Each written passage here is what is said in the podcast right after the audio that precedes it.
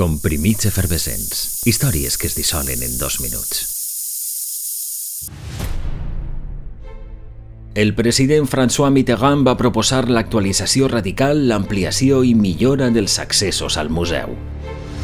Per això, el 1983 va encomanar el treball a un arquitecte que encarnava aquest esperit, el xinès americà Yeo Ming-pei, rellançaria la galeria i alhora milloraria alguns aspectes pràctics del recinte. Un 29 de març s'inaugurava la nova entrada del buc insígnia dels museus de París, la piràmide del Louvre.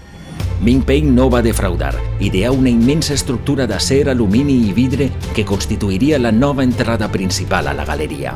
Un nou accés que garantia el moviment fluid de visitants i que alhora aportava llum a les estances subterrànies. Esta piràmide que s'inauguraria amb motiu del bicentenari de la Revolució Francesa té unes dimensions proporcionals a la piràmide de Keops, 20 metres d'alçària i una base quadrada de 35 metres per cada costat. La piràmide és l'element més cridaner de la nova imatge del museu, però també ampliaria la seva superfície gràcies a la incorporació de l'edifici que fins a aquest moment allotjava el Ministeri d'Economia.